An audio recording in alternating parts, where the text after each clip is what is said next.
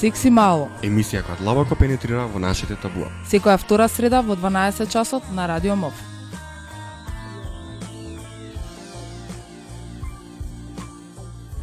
Наместо стандардното здраво на, на Марија Матовска, еве го велиме со неговото официјално добар ден до сите слушатели на, на Радио МОВ и на, и на Секси Мало.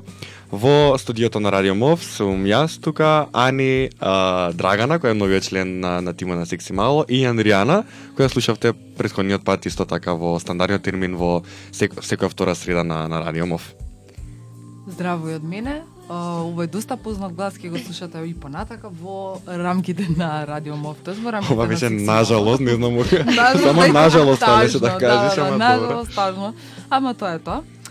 А, не, мала шига, пред да направиме увертира на нашата дневна на нашата денешна тема.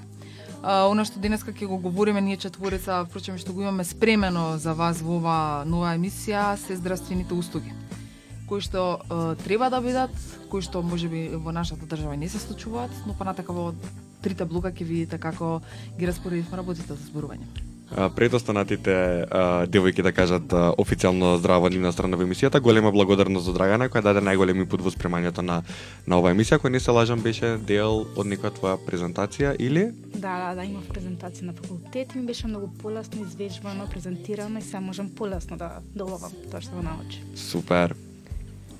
Здраво дечки од мене. Да ја започнам официјално оваа емисија. Uh, Вака, значи креирањето на здравствените услуги кои ќе бидат подостапни и поприфатливи за младите и за адолесцентите зависи пред се од финанските можности, интересите и мотивацијата.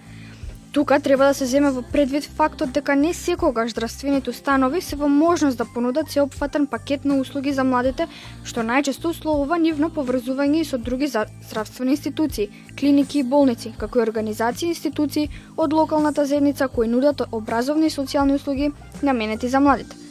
Воспоставувањето на квалитетен систем на упатување и следење во голема мера го подобрува квалитетот и достапноста на услугите кои ги добиваат младите и овозможува континуирана грижа за нивно здравје во која се вклучени најразлични здравствени, социјални и образовни структури. Е, во минималните услови здравствената услуга треба да тежне да ги исполни следните критериуми, така што услугите кои би ги нудала да одговараат на концептот здравствени услуги, а тоа се Учеството на младите во планирањето, спроведувањето и во еволуцијата на здравствените услуги. Здравствените установи да бидат вклучени да ги вклучат младите во планирањето на програмите и активностите преку индивидуални средби, групни дискусии со младите и преку поставување релации со разни организации, институции и со места каде се собираат младите, како на пример училиштата, младинските клубови, местните заедници и студентските домови, места каде има ранливи групи и така натаму. Вклученоста на младите во спроведувањето на програмите и на активностите на здравствената установа може да обезбеди преку вклучување на врснички едукатори, пиер едукатори или врсници советувачи, пиер советувачи во обезбедување од граѓанските здруженија или од други организации кои работат на програми за врсничка едукација, кои ќе нудат неформални едукации, информации и превентивни советувања на младите во рамките на установите. Ова ке, секако ќе зголеми довербата на младите и тие би се чувствувале порелаксирано при добивање на здравствените услуги кои едно, едновремено би биле поприфатливи и поблиски. Ете така, значи како што кажа а, Андријана, во една реченица сумирано, уствари, а, она што сакаме да го кажеме дека а, не може да се прават соодветни добри и квалитетни здравствени услуги за младите ако не бидат младите вклучени во целиот процес на значи на нивна вклученост и на анализирање на нивните потреби на крај спроведување и на крај евалуација на на самите здравствени услуги затоа што не може да се доближат здравствени или да се направат идеални здравствени услуги за една популација на на граѓани како што се младите ако самите млади не бидат вклучени во во, во самото тоа. Се разбира, младите се морам само да, да додадам дека се една движечка сила во, во самата држава, така да ако без млади што? Што понатака? Ако немаме една здрава нација, мислам здрава као здравствена, онда што понатака? А, она што го кажа Андријан исто во однос на врсничките советувачи и едукатори, она што е во принцип една од главните карактеристики на младинската група на на Хера, ја и Ани пошламе пред многу години како врснички едукатори нели за mm -hmm. за ХИВ за ХИВ сида превенција од а, сексуално преносни инфекции и туберкулоза. Така да во принцип она што нели се оди да се донесе некаква промена во однесувањето и во навиките на на самите млади, па и тие понатаму да може да ги промовираат тие здрави животни навики понатака. Се разбира, мора од некаде да се почне така. Кај е?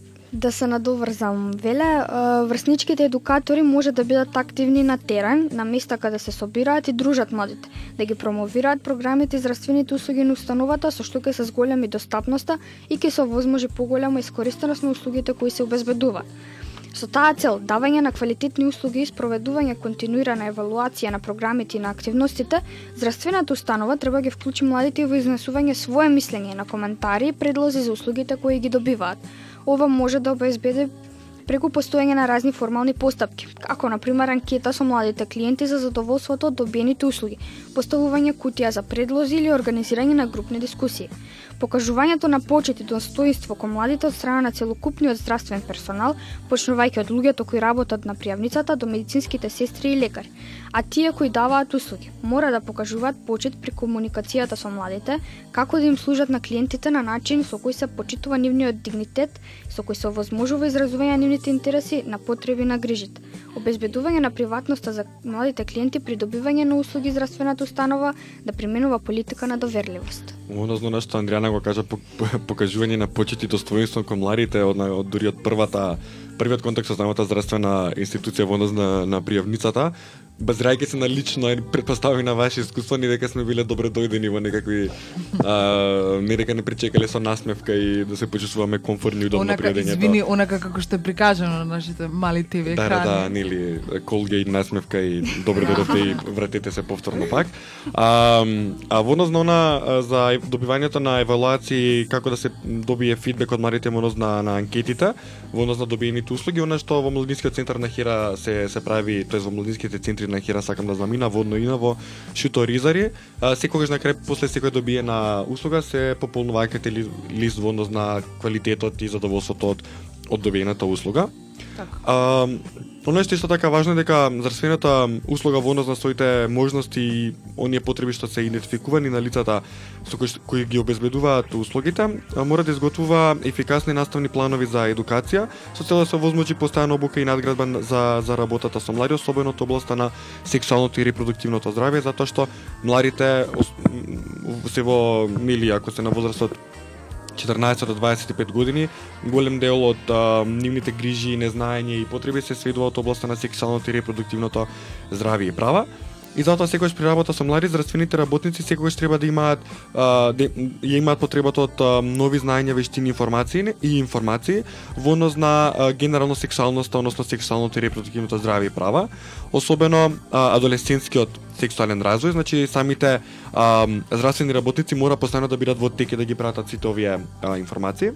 Така, овдека извини што ќе те прекинам, потребни се оние, па дури оние кои што би работеле со млади лица, да бидат младо лица кои што ќе помага на младо лице, баш буквално ние спремни кадри кои што Да. ќе може да ускокнат во за било кое прашање на во врска со СРЗП. Да, да. Да. Друго е кога ќе видиш дека млад е Кое ќе ти приде, кој ќе така, приде, да, да, ќе да, имаш да. малце поотворен однос, полесно ќе се дојде можеби до решавање на самиот проблем.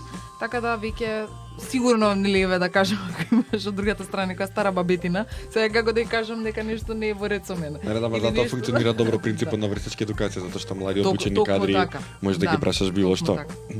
А понатаму исто така акцент треба да се стави на методите за семено планирање за спречување на на несакана бременост, а промо, промовирањето на а, двојната заштита, односно на кондомите и на оралната хормонска контрацепција, понатаму превентивно третирање, диагностицирање на и промоција на на тестирање за за ХИВ, СИДА и останатите а, полово преносливи инфекции.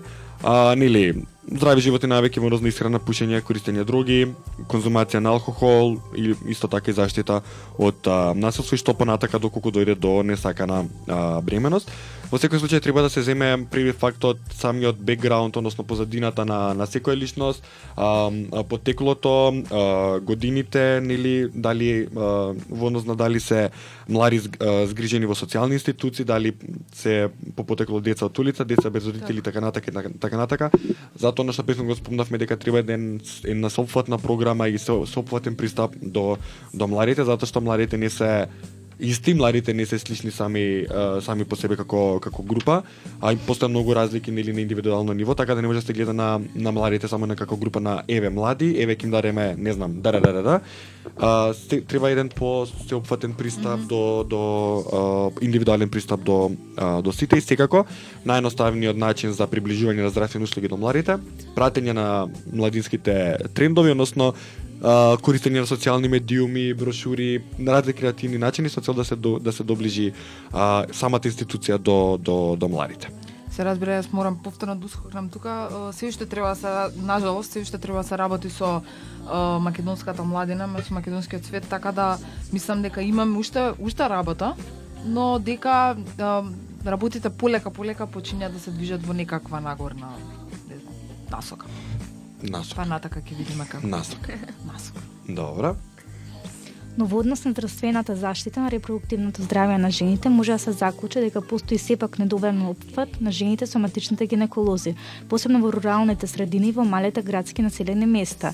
Односно 34,1% од сите жени изјавиле дека немаат избрано матичен гинеколог, при што 42,9% од жените што живеат во руралните средини немаат избрано матичен гинеколог, а 37,5% од жените што, жив, што живеат во градските средини немаат избрано матичен гинеколог. Исто така, постои несоодветен опфат на жените со превентивните прегледи за карцином на дојка, односно само 11,5% од жените во изминатите 12 месеци. Се обрателе кај лекар за превентивен преглед на дојките. Дојка мамографија имат направено 12,3% од жените. Жените биле претежно задоволни од здравствените услуги добиени кај своите матични гинеколози, вклучувајќи ги услугите за време на бременоста, но меѓутоа постои сепак незадоволство помеѓу жените од здравствените услуги, добиени при, добиени при подготовка за породување, при самото породување, како и за време на постпарталната нега. Здравствените услуги поврзани со абортусот не, не остасува соодветно советување на жените во однос на постапката за извршување на абортусот, како и советување на контрацепција потребно е воведување на родова компонента во сексуалното образование, потребно е воведување на активности и мерки за едукација на општата популација односно сексуално и репродуктивно здравје, со посебен акцент на заштита на употреба за контрацепција, планирање на семејство, пред се во руралните средини помеѓу ромското население, Во врска со во врска со ова треба да се зајакне патронажната служба за поголем опфат на населението. Со овој вид на едукација, треба да се спроведуваат едукативни кампањи, треба да се организираат едукативни настани од страна на советувалишта за репродуктивно здравје и слични активности. Но за да се зголеми информираноста за жените за сите за различни теми кои се поврзани со сексуално и репродуктивно здравје, потребно е пред сематичните гинеколози задолжително да ги советуваат своите пациентки за различни средства за контрацепција, за користење на самата контрацепција, за потребата од превентивните гинеколошки прегледи за навремено откривање, како и да вршат задолжително советување за семејното планирање. Фала ти Драгана на на овој дел. Ја мислам дека тука може да направиме нема да кажам, нема да кажам, живи се нема Гледа, да кажам. Гледа ама се спец на ни. Добро. Добро, ќе направиме пауза, па а, пошто сите тука во студиото го промашивме концертот на завршниот концерт на Bait of Fish, мислам дека може онака да си се почастиме со нивна музика во овој блог на Секси Мало. Супер. When I was young, when I was a very little boy, I fell in love with her. She was my dream come true. This woman never knew. She was my if, my clue of how a girl should groove.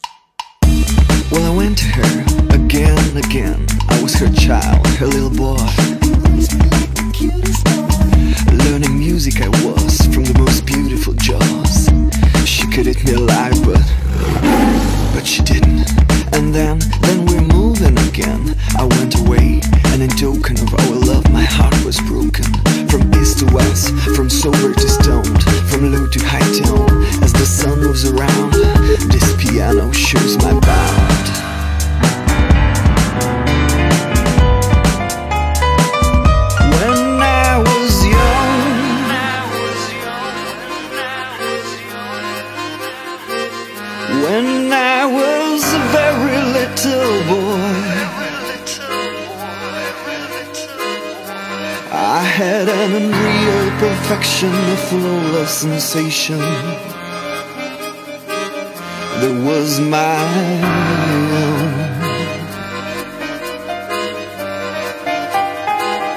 Now I'm confused.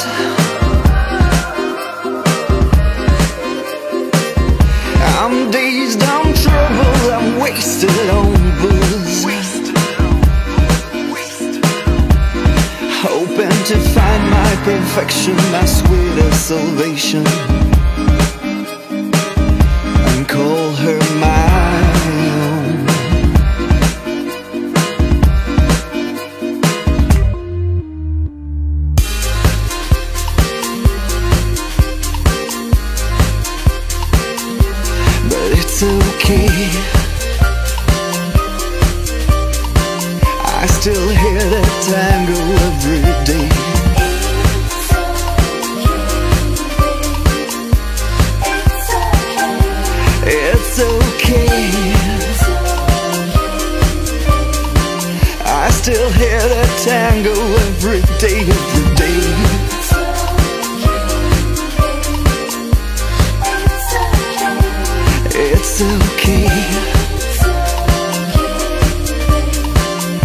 still hear the tango every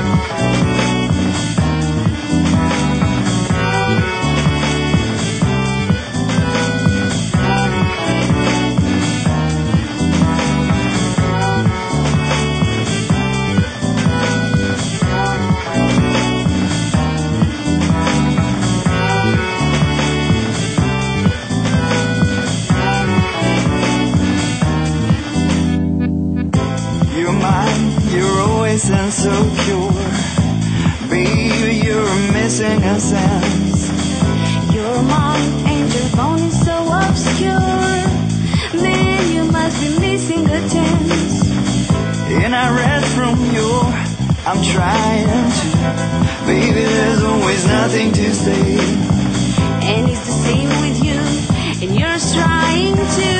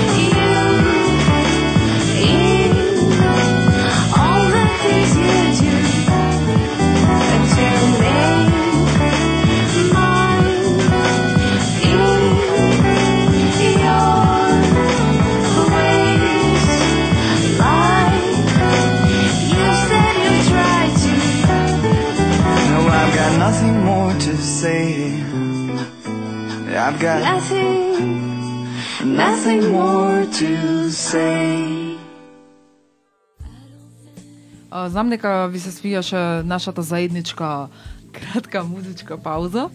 А, Заедничково после долго време да се заедничко. согласиме со Да, да се усогласиме, тоест, да. Конечно да кажеме, се да, да, да. договоривме, омилениот збор во период. Консензуално се договоривме со Ани за музиката. Кој рекол дека македонската музика е лоша, така? Имаме многу добра македонска музика. Мора да се пофалиме. А, она што одиме ние назад во нашата а, денешна емисија околу здравствените услуги и што како се случува во нашата држава со а, блокот број 2, а, како жените а, дискрими, се дискриминирани во однос на а, здравствените услуги, тука мораме да се служиме сите заедно дека ова доста чест проблем во нашата држава и дека ајде би рекла сега секоја втора жена ромка се соочува со токму со овој проблем. Здравствената заштита на социјално ранливите категории на граѓани на Република Македонија и нееднаков пристап до анти, ан, антенаталната заштита и до здравствените услуги за време на репродуктивниот период. Тој беше подкрепен со а, посебни а, активности во организацијата на ова поле која фаќа теренски истражувања, интервјуа со жени румки спроведени во 2011 година. А Во рамките на кампањата преку засилен глас до подобри здравствени услуги се е, подготви правна анализа на законодав, законодавството на Република Македонија во областа на антенаталната заштита и проценка проценка за финансиските импликации од предложените мерки за на национално националниот ромски е, центар. Во поднесокот, е, како клучни проблеми беа нагласени недоволниот пристап до јавните услуги, слабата покриеност на ромите со здравствените услуги и слу, е, доста честите би додала случаи на дискриминација во системот на здравствената жасти- е, заштита. НРЦ во своите е, истражувања ги има документирано ги има документирано дел од случаите на дискриминација на жените ромки при добивањето здравствени услуги кај одредени матични гинеколози. По поднесокот од коали- коалицијата на невладините организации кои се однесува на здравјето на ромите, се идентификувани дел од проблемите и предизвиците. Лошата социоекономска состојба оневозможува ромите, ромките, тоест, да ги покријат трошоците за партиципација за болничко лекување и терапија при породувањето. Ромките а, имаат полоша општа, општа здравствена состојба во споредба со остатокот од населението, незадоволната а, слаба имплементација на здравските здравствените програми во кои се вклучува во кои во кои се румите веле фала, се недоволно издвоено издвоени средства за остварување предвидени активности, огранич, ограничениот пристап на жените ромки во до гинеколошки услуги, поради недостиг на лекари, специјалисти во јавните здравствени установи и неразвиената здравствена инфраструктура во областите каде што живеат ромите.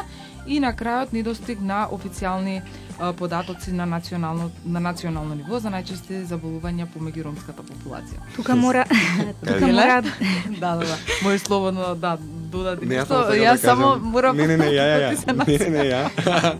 Јас сакам да кажам дека тоа е кога ќе бидеш една една недела во Скандинавија, има тоа последици по твојот мајчин литературен македонски јазик Драгани. Мора да Така ме да. да, мора да ме малце да ми побужите. Епа сега, Драгана повели. Е, Тука мора да споменеме за обезбедување на помош и поддршка на ранливи категории на жени преку Центарот за правна помош, психолошко советувалиште и здравствениот информативен центар нуди информации и помош на ранливите категории на жени.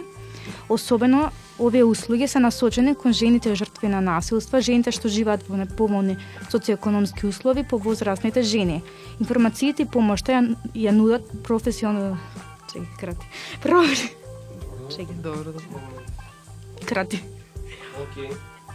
Една, 28. Многу терминам заборам македонски јазик.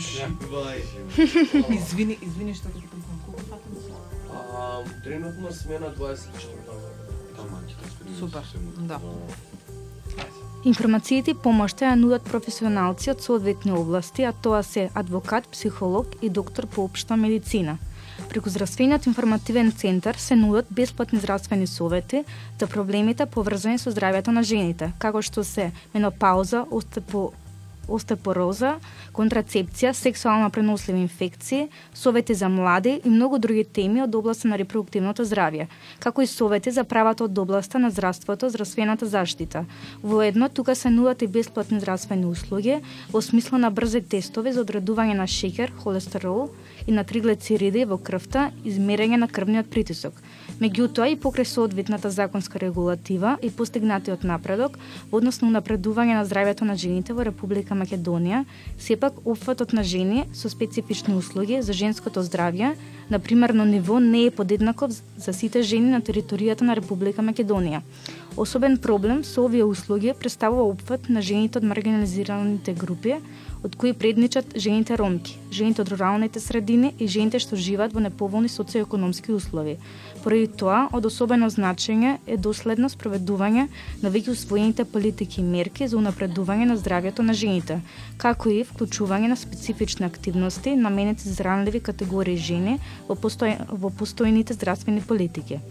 Тука мора да го спомнеме проектот преку Заселен глас до подобри здравствени услуги, кој има општа цел да промовира еднаков пристап до здравствената заштита, посебно во, ан...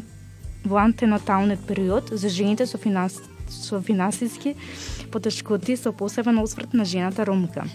Народен ромски центар ни своите активности се залага за имплементација на македонскиот закон за здравствена заштита, кој гарантира здравствени кој гарантира здравствени услуги за сите жени.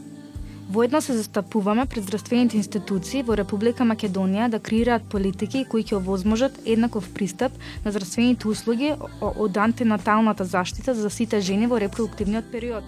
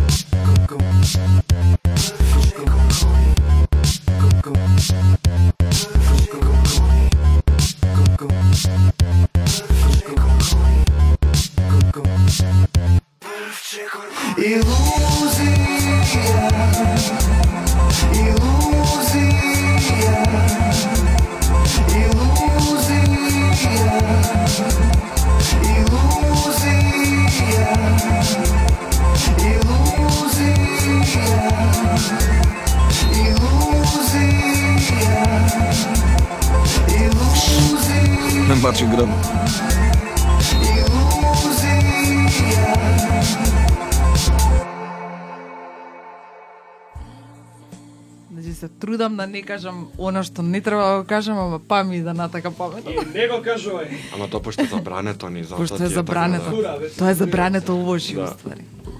А, така, полика се, се движиме кон крајот на оваа денешна емисија. А, уште ни останува да го за, заокружиме оној трет блок или завршен а, и она што стално обично го оставаме за, за на крај. Овој пат некако така се поклопија работите да немаме за крај трет блок или гостин или гостување, значи или интервју, па ќе го земеме она што е наше или да го изназбориме, пошто овие три години не си изназборавме, па сега нели останува уште сега. Никогаш доволно зборење. Когаш доволно Марија Матовска со еден поздрав, пошто ми кажа да да ја поздравам. И Тања, и Тања да. и Тања, да. Канцеларијата да поздравам Канцеларијата, да, офис, да централ офис. Офис, да. Да не останат и они покуси, се разбира. А, да се вратиме ние назад со она што стално го говориме пред да завршиме, а, значи она што е а, работата да кажеме на Хира и оние оние младински центри кои што се наоѓаат кои што се два младински центри, еден на Водно, на Водњанска, другиот сакам да знам се разбира, другиот во Шутка во Шуторизари. ризари. сите оние услуги кои што може да ги добиете таму и за кои што сте заинтересирани, се разбира може прво пред се да ги најдете на интернет на официјалната страна на hira.org.mk.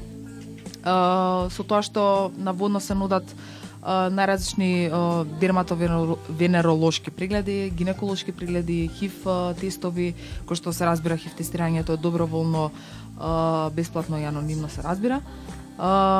Исто така може да добиете најразлични психолошки советувања, може и да чуете некоја едукација од нашите нашата младина се разбира а, различни информации. Се што треба да направите нели да го завртите а, бројот, да ги проверите информациите кои што се на главната страна. Се разбира, активни сме на сите социјални мрежи, да си закажете преглед кој што е секако анонимен под анонимна шифра и подоцна бесплатно, значи без плави картони, без книжки, а, да дојдете да си на, го направите а, дали е преглед, дали е нешто слично Разговор. разговор едноставно, а, да го добиете она по кој што сте дојдени, се разбира. А, исто така во однос на темата што зборевме за за здравствени услуги во, во а, последните два блока, а, тоа е за првите два блока. А, Она што исто карактеристика на нашиот младински центар е дека секој се прави на крај се пополнува прашалник во однос на квалитетот на здравствените на здравствената услуга а, која што е добиена и секако дека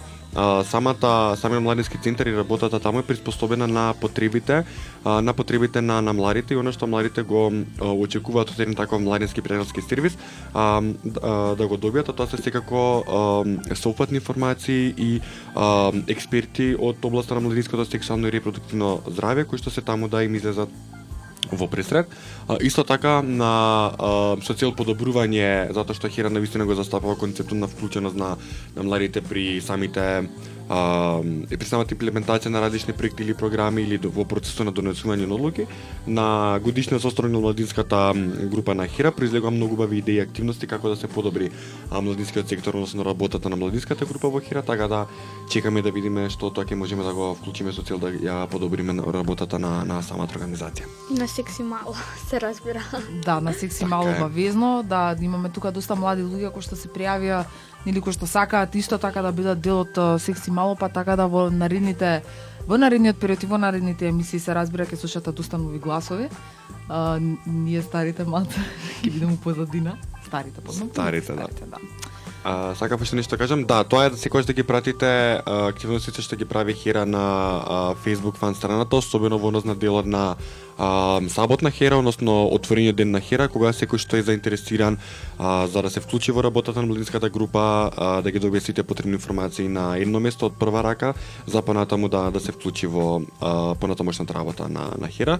Ани ми вика да гратам дека било доста, јас ветив дека нема да зборам во емисија, ама ете, никош не го спомнам шугју. што го ветувам.